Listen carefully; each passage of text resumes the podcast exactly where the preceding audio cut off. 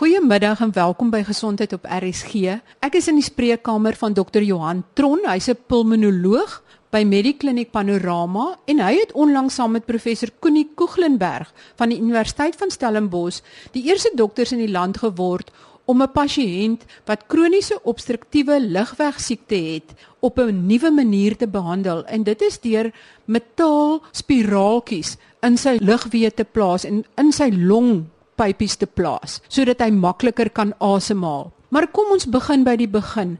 Dokter Tron, wat is kroniese obstruktiewe lugweegsiekte? Al kroniese obstruktiewe lugweegsiekte is 'n siekte wat redelik algemeen is en dit word veroorsaak meestal deur rook, so dis 'n rookverwante lugweegsiekte.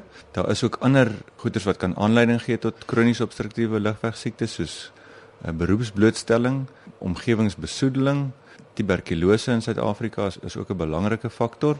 Dit is 'n spektrum van siekte. Die spektrum is van emfyseem aan die een kant van die spektrum tot mense wat kroniese bronkietis het aan die ander einde van die spektrum. En meeste mense sal kenmerke hê van beide. Dan is daar ook 'n oorvleeling met asma pasiënte, veral asmatikers wat in die verlede gerook het of blootstelling gehad het aan van daai bekende faktore. So dit is die belangrike goeters wat ons maar gewoonlik kyk as ons dink oor obstruktiewe lugweegsiekte.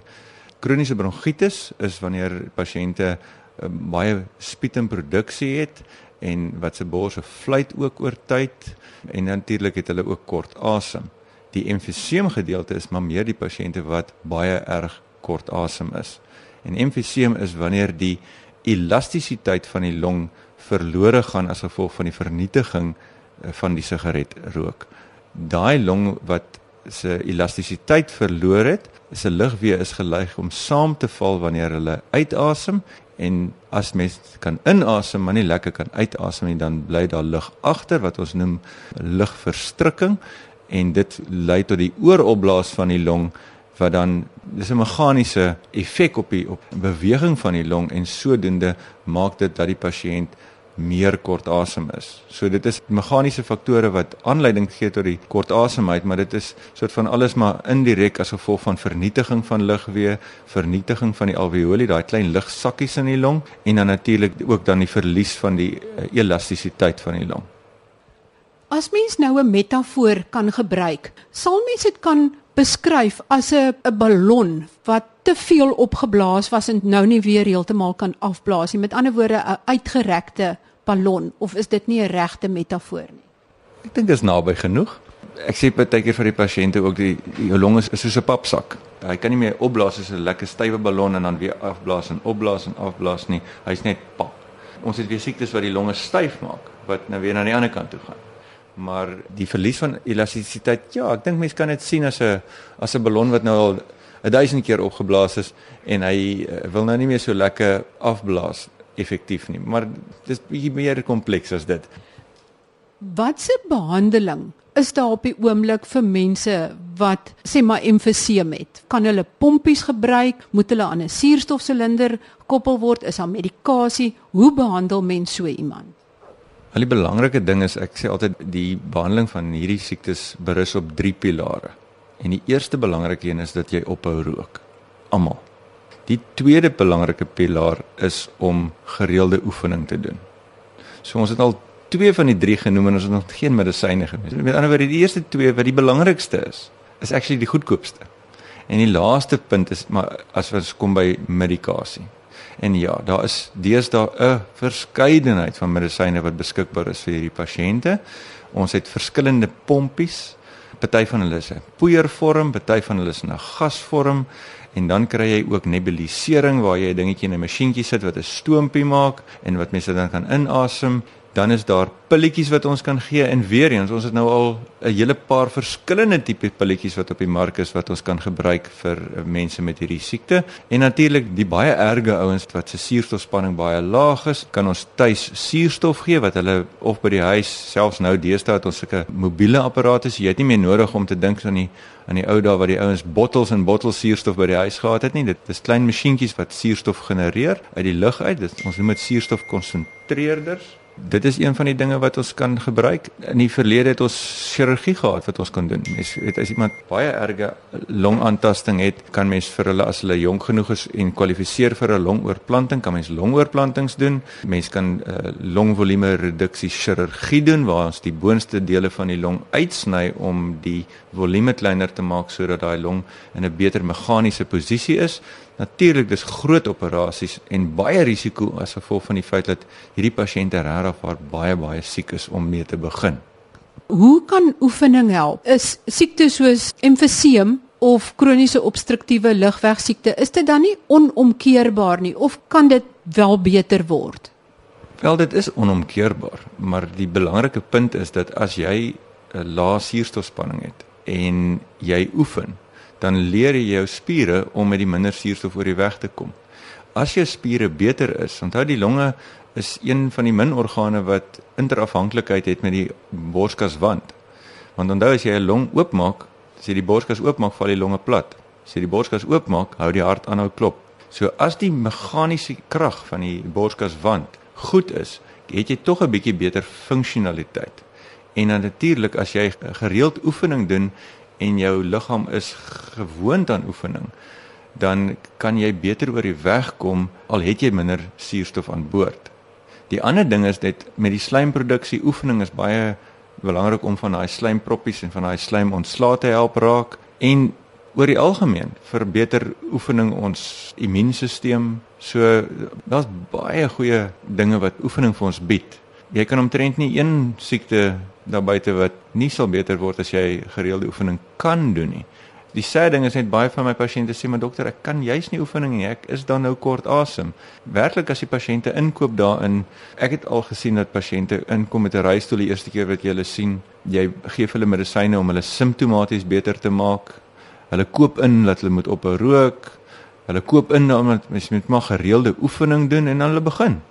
En ek is baie keer nie verbaas as hulle dan inkom 'n paar maande later en hulle loop nou in en is nie meer op 'n reistool nie. Want ons weet dat uit baie groot studies uit dat rehabilitasie, met ander woorde oefeningsverbande rehabilitasie, het 'n baie goeie effek op ons kroniese obstruktiewe lugweegsiekte pasiënte. En ons weet uit groot studies uit dat rook, staking ook 'n baie goeie invloed het. En ek voel nog steeds daai twee faktore is selfs nog meer belangrik as die medisyne. Maar jy weet, ons ou mensies wil altyd ons maar net 'n 'n quick fix hê. Ag dokter, die ou suiker siekte, so kom ons vat 'n ou pilletjie daarvoor. Maar ons is bereid om oefening te doen, gewig te verloor en gaan kyk, daai chocolate koek is maar net te lekker, weet. So ons wil altyd die kort pad vat. En ek dink dieselfde met met rook. Ons wil nie ophou rook nie. Ek is nou kort asem, so ek gaan nou nie oefening doen nie. En inteendeel, dit is juist daai ouens wat ophou rook en daai ouens wat begin oefen en doen wat eintlik dan 'n baie beter effek op hulle long gesondheid het lanktermyn. Dan as jy die medikasie gee, wat is die doelwit van die medikasie? Moet dit die longe of die lugweë meer elasties maak of wat is die doelwit daarvan? Meeste van die medisyne wat ons beskikbaar het deesdae is om die gladde spier wat in die lugpyp se wand sit te laat ontspan sodat die lugpypie bietjie oper is sodat mens met ander woorde makliker kan asemhaal. Dit word bronkodilatore genoem. En dis maar meeste van die pompies is maar so, hulle is of kortwerkend of langwerkend. Van die pompies het ook kortison in in sekere van die pasiënte kan ons dit gebruik wat dan ook die inflammasie in die lugweë wat as gevolg van die COPD daar is ook help onderdruk.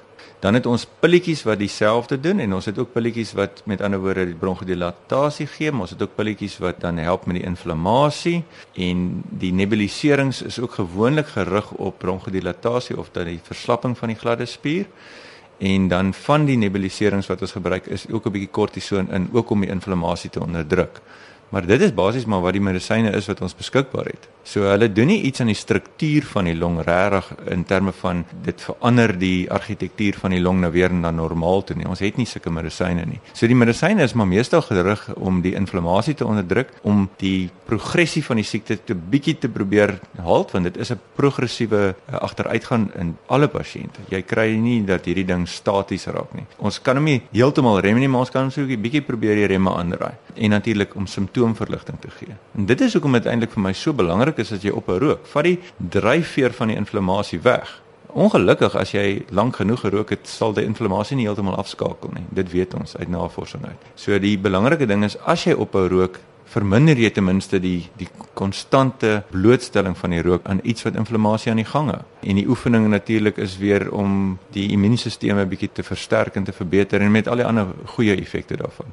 So ek dink ja, behandeling is belangrik of die pille wat nie pompies en die stoompies wat ons gee is belangrik. Maar ek dink die eerste twee faktore is eintlik nog meer belangrik en ek wens net soveel meer mense wil daarvoor inkoop. Nou die grootste wens is natuurlik dat die jong mense nie begin rook nie. Met ander woorde, dit is nogal baie soos asma behandeling ook, nê? Nee. Dan is 'n baie interessante begrip wat ek teëgekom het is pakjare. Kan jy so 'n bietjie meer daarvan verduidelik wat dit beteken? 'n Pakjaar is basies as jy 'n pakkie sigarette per dag rook vir 'n jaar lank, het jy 1 pakjaar gerook. So as jy 'n pakkie sigarette per dag rook vir 20 jaar, het jy 20 pakjare gerook. Ek het al pasiënte gesien wat meer as 100 pakjare gerook het. So dit is moontlik. Natuurlik hoe meer mens rook, hoe meer inflammasie kry jy en hoe meer skade jy kan kry, maar dit is nie 'n 100% nie, want jy kry pasiënte wat baie rook en nie so erg aangetast is nie en jy kry pasiënte wat min gerook het wat baie erg aangetast het. So daar is natuurlik nou ander faktore wat natuurlik ook 'n rol speel. Soos ons gesê het, beroepsblootstelling, vorige tuberkulose, omgewingsbesoedeling en natuurlik genetiese aspekte. Daar's baie uh, faktore wat 'n rol speel. Ek koop ook nie die ding wat baie mense sê maar my oupa het gerook totdat hy 90 was en hy het niks meer keer nie. Ek is seker as jy hom getoets het, het hy obstruktiewe lugweegsiekte gehad. Ek is 'n baie sterk voorstander dat niemand rook. Baie mense het, eh, het lelike dinge gesê oor ons vorige minister van gesondheid Zuma, maar ek dink die ding wat ons nou nie meer mag rook in publieke plekke nie. Ek dink dis die beste ding sedert Romeis. Dokter Tron, jy het nou-nou vir my vertel dat baie mense eintlik reeds kroniese obstruktiewe lugweegsiekte het, maar onbewus is daarvan. Kan jy bietjie meer daaroor uitbrei want dis nogal 'n skrikwekkende gedagte. Die groot ding is dat daar en dit weer eens uit studies wat gedoen is in epidemiologiese studies waar ons uitgaan en mense net toets. Daar is regtig baie mense wat rondloop wat nie eers bewus is dat hulle 'n uh, obstruktiewe lugweegsiekte het nie. Hulle dink maar net ag, is maar net 'n ou rokershoesie of ag, is maar net die ouderdom wat maak dat ek so bietjie stadiger loop en 'n bietjie vinniger uit asem uit is. Maar daar is werklik waar 'n groot persentasie en, en daar is data wat wys dat selfs soveel as 80% van COPD pasiënte loop buitekant rond en is nog nie siek nie. Natuurlik van daai 80% sal 'n groterige persentasie sal op een of ander punt in tyd wanneer hy nou 'n verkoue of of 'n griep of 'n bronkietis kry onder 'n dokter se aandag kom en dan ook dan nou 'n diagnose van COPD gemaak word. Baie mense gaan mos uit hulle eie uit en sê na die dokter, "Maar dokter, ek is nie gelukkig met hierdie kroniese hoesie wat ek het of die slijmproduksie nie en dan word die diagnose gemaak." Maar daar's werklik 'n klomp mense wat buite kan rondloop, klomp rokers of eks-rokers. En dit is ook nie vir my snaaks ek sien gereeld pasiënte wat sê, "Maar dokter, toe ek 30 jaar terug opgehou rook het, het die dokter vir my gesê my longe is nog dis soos 'n jong man se." En die feit bly is wat ek net nou ook gesê het is dat daai inflammatoriese proses wat aan die gang gesit het deur die hoeveelheid rook wat in die verlede gedoen het, skakel nie af nie. Ja, jy het nog steeds 'n goeie ding gedoen om op te gerook het, maar oor tyd het daai long nog steeds inflammasie gehad wat stadig agteruit gegaan het. En eers in die toekoms is daar iets wat net daai kameel se rug breek. Daai laaste strooi alimpie. Daai bronkietis of daai verkoue of daai griep en nou vlei die bors en die pasiënt is benoud en van daar af aan sukkel hy. En dan kan baie mense nie verstaan maar ek was dan so lank terug opgerook en ek het dan so lank eintlik goed gegaan. Dis juist die punt en dit is die punt wat ek probeer maak deur te sê maar hou op rook moet eintlik nooit begin nie. Hou op rook. Dis 'n baie sterk boodskap en ek ekho Dr. Tron se woorde. Nou kom ons by die deel oor die nuwe soort behandeling. Dokter Tron, hoe het dit gekom dat jy hieraan begin dink het om hierdie behandeling ook hier by Panorama Medikliniek te implementeer? Wel, so 4, 5 jaar gelede het mens die eerste data begin sien wat gewys word by ons gaan ons maar gereeld na internasionale kongresse toe om te gaan. My pa het altyd gesê as jy dokter is, hou jy nooit op met leer nie. Ek het so 4, 5 jaar terug saam met professor Bolliger wat uh, by Tygerberg Hospitaal voorheen ons hoof was daar, saam met professor Irosen en dan saam met prof Koeglenberg het ons uh, by die kongresse begin sien dat die ouens begin allerlei innoverende dinge doen om mense met erge emfyseem te help wat baie kort asem is. En so weet sien mense die goeters en jy lees daaroor en jy woon meer en meer goeters by en jy hou die literatuur dop want soos die tyd aangaan begin die data beter en beter lyk like, en mense begin meer die idee kry maar hier's die ouens het regtig 'n punt beet. Ons het al reeds so 4 jaar terug saam met Prof Bolliger destyds voelers uitgesteek na die maatskappy wat die goederes produseer. Prof Bolliger het kort daarna afgesterf en ons het maar soort van aangehou om te kyk na die goederes en verlede jaar het ek en professor Koeglenberg net weer ons ons werk redelik nou saam en ons het begin praat daaroor dat die data begin goed genoeg lyk like, dat ons dink dat mens kan definitief dink daaraan om dit te implementeer. Ons het ook 'n intervensionele pulmonologie vereniging gestig so 'n ruk terug juis vir dokters wat in daai subveld van pulmonologie spesialiseer. Daar is baie min van ons pulmonoloë wat werklik intervensionele pulmonologie doen. En dit is waar ons allerlei meganiese goedjies doen op pasiënte byvoorbeeld om met lasers tumore binnekant die long weg te sny, ligpype oop te sny, stents wat hulle in die hart insit maar nou lyk heeltemal anderster wat ons in ligpype insit om die ligpypies oop te hou vir mense wat kanker het, vir mense met ander siektes het. Ons kan ballonnetjies gebruik om om ligpypies oop te maak en daai tipe gedeelte van pulmonologie word intervensionele pulmonologie gedoen en, en ek en professor Koegelenberg is deur prof Bolliger opgelei destyds en ehm um, dit is die deel van pulmonologie wat vir my eintlik die naaste aan die hart lê. En hierdie nuwe tegnologie is alsmaar geskoei rondom die intervensies of die ingrepe wat ons doen met bronkoskope wat klein kameratjies is en wat op pypies is en wat ons nou binne in die longe kan inkyk. En die longvolume reduksie coils wat ons nou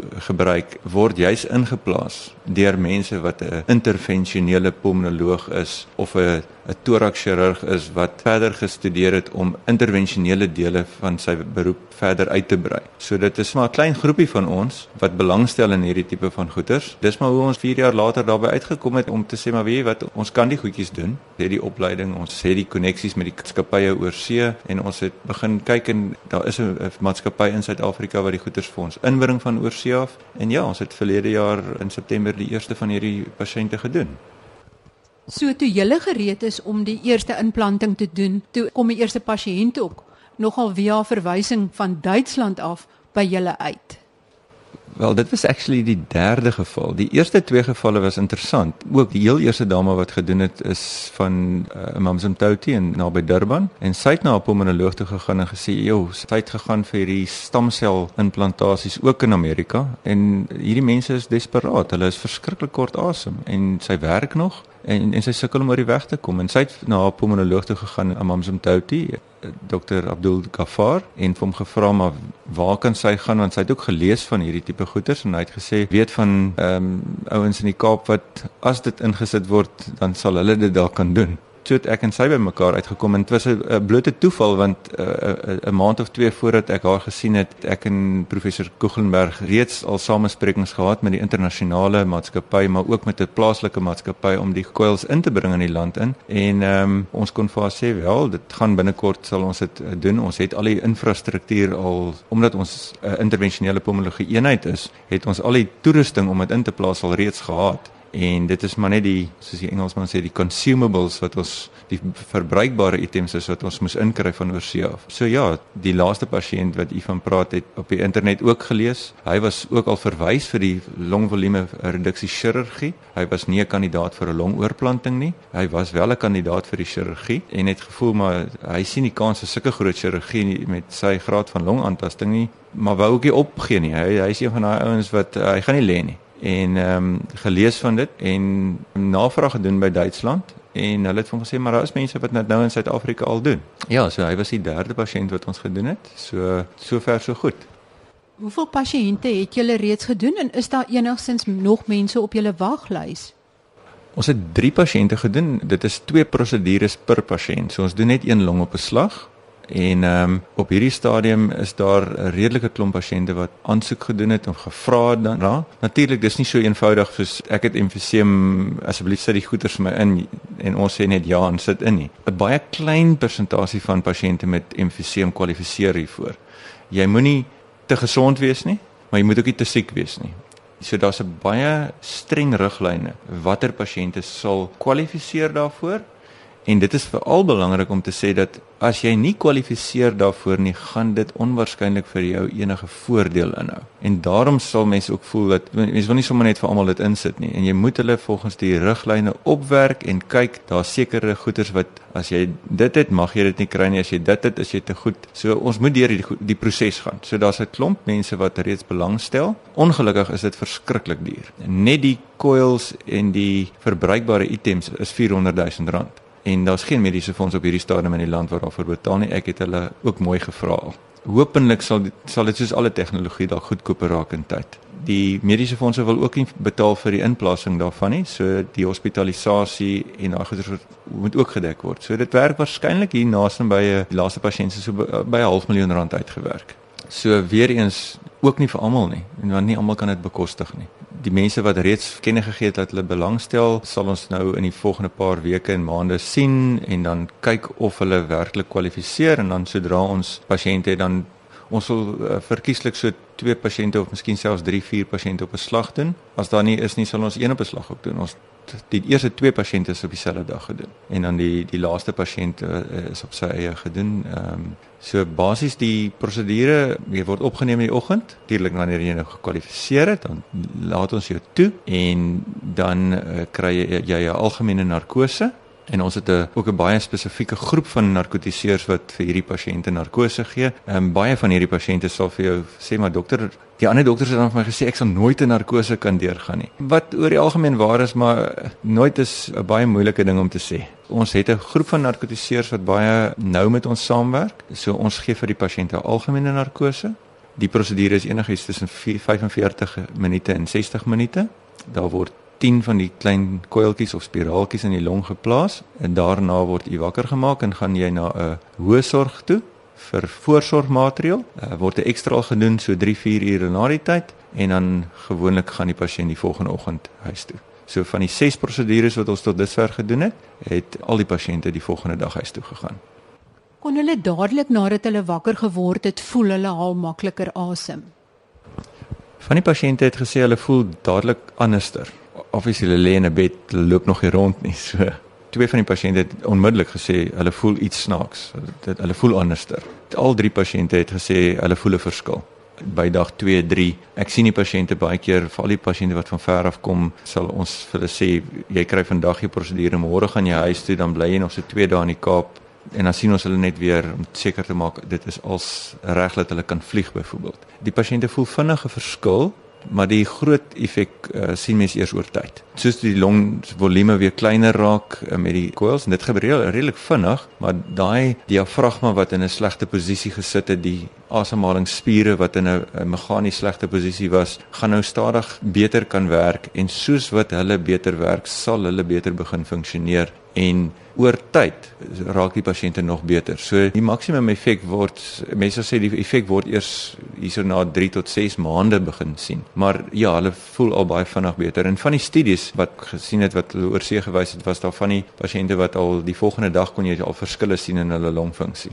Dokter Tron, kan jy 'n bietjie meer besonderhede verduidelik hoe jy daai spiraaltjies in die pasiënt se long plaas. Sit jy 'n uh, skoop in sy keel af en dan kan jy duidelik sien in watter lugpypies jy ingaan en waar jy dit moet insit. Kan jy so bietjie meer in detail verduidelik hoe jy dit doen? Terwyl die pasiënt onder algemene narkose is, gaan ons met 'n kameratjie, dis amper soos baie mense weet ons al van gastroskopie. Dis mens dan net daai kameratjie in die maag sit wat jy sluk. Nou ons het 'n soortgelyke kameratjie, sy pypies is net so bietjie dunner. Hy het twee xenon spotlights op en dan het hy 'n kanaaltjie waar ons nou goeders deur kan sit of suig of as ons in die geval ietsie wil plaas, dan gaan ons met die kameratjie in tot op die in die area waar ons die uh, goedjies wil insit, die coils wil insit en dan sal ons ook onder deurligting. Dit is nou wanneer ons 'n ekstraal doen terwyl jy nou onder narkose is. So ons kyk met die ekstraal en met die kameratjie kan ons dan sien hoe die goedjies uit die bronkoskopie beweeg En dan op 'n stadium kan jy mos nou nie sien nie want dan gaan die goeters nou in die diepte van die longe en dan sien ons dit op die ekstrale. So ons meet eers wat se lengte van die coils jy nodig het want daar's drie verskillende lengtes. Dit is die eerste ding wat gedoen word. Dan word die coil gelaai. So ons sal dan sê dit is 'n nommer 1 en nommer 2 of 'n nommer 3. Wanneer ek die meetinstrument dan uithaal, sal die suster vir my die eerste coil gee wat ons dan inplaas en so gaan ons dan aan na die volgende, die volgende, die volgende totdat ons 10 tot 12 coils per long geplaas het. Wanneer ons klaar is, dan sal mens die slijmpies wat rond lê in die long als opsuig met die kameratjie en dan word die asemhalingspypie uitgehaal wanneer die pasiënt wakker gemaak word en dan gaan dit na die herstelkamer toe en dan na die intensiewe sorg of dit is eintlik nie intensiewe ons vat hulle na die hoë sorg toe na die tyd. As jy nou daar met die kameratjie in die lugpypies kyk, is dit die bronchie of die bronchiolie? En lyk almal maar dieselfde of is party by mense wat emfiseem met party nog beter as ander? Ja, dit is definitief nie die bronchiolie nie want hulle is so klein dat ons hulle nie eers met die blote oog mooi kan sien nie. So, ons kyk met die kameras net in die groot bronchie. Definitief jy kan nie die ene wat ons gebruik het so 6 mm in deursnit, die die totale deursnit van die bronkoskoop. So dit is nie klein goedjies nie. So jy kom net in die wat ons noem die sentrale lugweë en dan wanneer ons dieper in die long met met die dunner kanieletjies gaan waar ons die coils deursit, dan kyk ons onder deurligting daarna. Dink jy daar sal nog ander vooruitgang ook wees in die behandeling van hierdie tipe siektes wat so baie mense aanlei?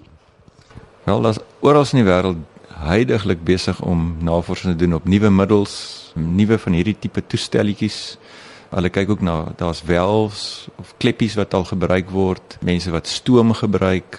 So daar's 'n klomp ander tegnieke wat gebruik kan word om 'n soortgelyke uh, goeters teweeggebring. Van die goeters het natuurlik ook baie komplikasies en neeweffekte. Niks van hierdie goeters, soos enigiets wat 'n dokter doen, of dit nou 'n medisyne is of of dit 'n prosedure is, goeters het neeweffekte en goeters het komplikasies. Dis een van die redes hoekom ons sê hierdie tegnologie is nuut. Dis nie sommer net dat jy gaan instap en iemand gaan vir jou sê ons gaan nou 'n paar vir jou insit nie. Dit het risiko. Persoonlik uh, is ons gevoel ook dat as jy nie opleiding gekry het om hierdie goeders in te sit nie, moet jy eintlik wegbly daarvan af, want jy kan meer skade doen as goed. Ek laat altyd die pasiënte of die dokters wat vra daarna uh, voel aan die goeders. Hulle is redelik styf en as jy 'n pap ballon long het, dan steek hierdie ding baie maklike gat in daai pap ballon long en 'n ballon wat so lyk, wil jy nie graag stukkend steek nie. Maar hierdie klein spirakies is van metaal en dit is tog 'n vreemde voorwerp. Is daar enige kans dat die liggaam dit kan verwerp? Dit word gemaak van nitinol, uh, wat 'n geheue metaal is of memory metals soos die Engelsman sê. So jy kan hom reguit trek, dan sy reguit en dan as jy hom los, dan gaan hy weer terug na die posisie in wat hy oorspronklik was. Maar die ander ding is ook dit is 'n uh, inerte ding. So die liggaam het nie 'n reaksie op hom nie. Dit is soos 'n 'n heupvervanging of 'n knievervanging of 'n staalpen wat ons in 'n arm sit uh, as jy jou arm breek. So hierdie is 'n baie spesiale tipe materiaal wat gebruik word. Die long verwerp nie die klein voorwerpe. Sien ons het nie soos nodig soos by longoorplantings of in nieroorplantings om antiverwerpingsmedisyne te gee nie. Wat ek heel interessantste vind is dat gewoonlik as daar iets in jou longe beland, dan verstik jy en jy hoes en jy gaan te kere, maar met hierdie dingetjie is die longe eintlik vreeslik bly om dit binne in die long te hê of binne in die lugweë te hê. Ja, dit is 'n vreemde voorwerp. Ek dink maar ook ons sit hom in 'n gedeelte van die long wat waarskynlik nie so irriteerbaar is soos die sentrale lugpypies nie. Wanneer ek byvoorbeeld stents in longe insit, vir longkanker dan hoes die pasiënte baie keer na die tyd so bietjie meer. Sure, hulle het baie beter asemhaling, maar dit is 'n vreemde voorwerp wat wat kan irriteer, maar ons liewe Vader het ons baie goed ontwerp en ehm um, mens se liggaam adapteer daartoe. Baie pasiënte sal na 'n paar dae nie eens meer agterkom dat daar iets snaaks voel in hulle nie. Die coils byvoorbeeld, dis nie iets wat jy spesifiek kan voel nie. Die pasiënte sê hulle voel anderster, voel of daar minder drukking op die bors is, maar verskillende mense het verskillende maniere hoe hulle die die goeters voel, maar soos ek sê, dit is interessant. Dit is nie dat hulle dramaties hoes na die prosedure nie, maar ek dink dis omdat ons dit baie dieper in die long inplaas. Ja, die pasiënt, hulle is almal rokers of ex-rokers, so die ligwee is waarskynlik ook 'n bietjie gewoond aan om 'n um, bietjie mishandel te word. Dan 'n laaste vraag, Dr Tron, dit is baie belangrik dat mense wat nou belangstel om hierdie prosedure te ondergaan en moontlik geskikte kandidaate kan wees dat hulle by iemand uitkom wat werklik waar hierdie prosedure kan doen. Is daar op hierdie oomblik ander intervensionele pulmonoloë in Suid-Afrika wat ook hierdie prosedure kan doen? Op hierdie stadium word dit net in um, Panorama Medikliniek gedoen deur myself en professor Koeglenberg die hoop is dat mense dit dalk later een of twee ander eenhede in die land sou vestig. Ek dink die belangrike ding is dat hierdie tipe tegnologie is nie vir elke liewe hospitaal. Omdat dit ook so duur is, mense sal dit graag wil beskikbaar stel vir meer mense. Ons het al reeds uh, met sekere ander uh, pulmonoloë eh, kontak gemaak wat graag sal wil leer om die prosedure te doen. Aan die einde van die dag met hierdie tipe goeters sal mens graag een of twee groepe hê wat baie daarvan doen. Want hoe meer mense doen van 'n ding, hoe beter is jou expertise. En dit is belangrik. Maar op hierdie stadium het die gevoel dat ons een eenheid in die land vir dit doen en soos wat daar 'n groter behoefte gaan wees, sal ons verseker en ek dink daar sal definitief in die afsienbare toekoms sal ons 'n tweede eenheid in Johannesburg of in Pretoria moet oopmaak. Maar op hierdie stadium is daar net een eenheid vir dit doen. Baie dankie en nogmaals geluk dat julle die eerstes was om hierdie te doen in Suid-Afrika. Dit is aan die einde van vandag se program maar sluit gerus weer volgende week by ons aan en die week daarna en die week daarna want daar is baie interessante programme wat wag. Van die programme sluit dan in depressie by vleeniers en fetale chirurgie. Dit is operasies wat op babas in die baarmoeder gedoen word en ek gesels met die eerste dokter in Suid-Afrika wat hierdie chirurgie uitgevoer het. Tot volgende week dan. Totsiens.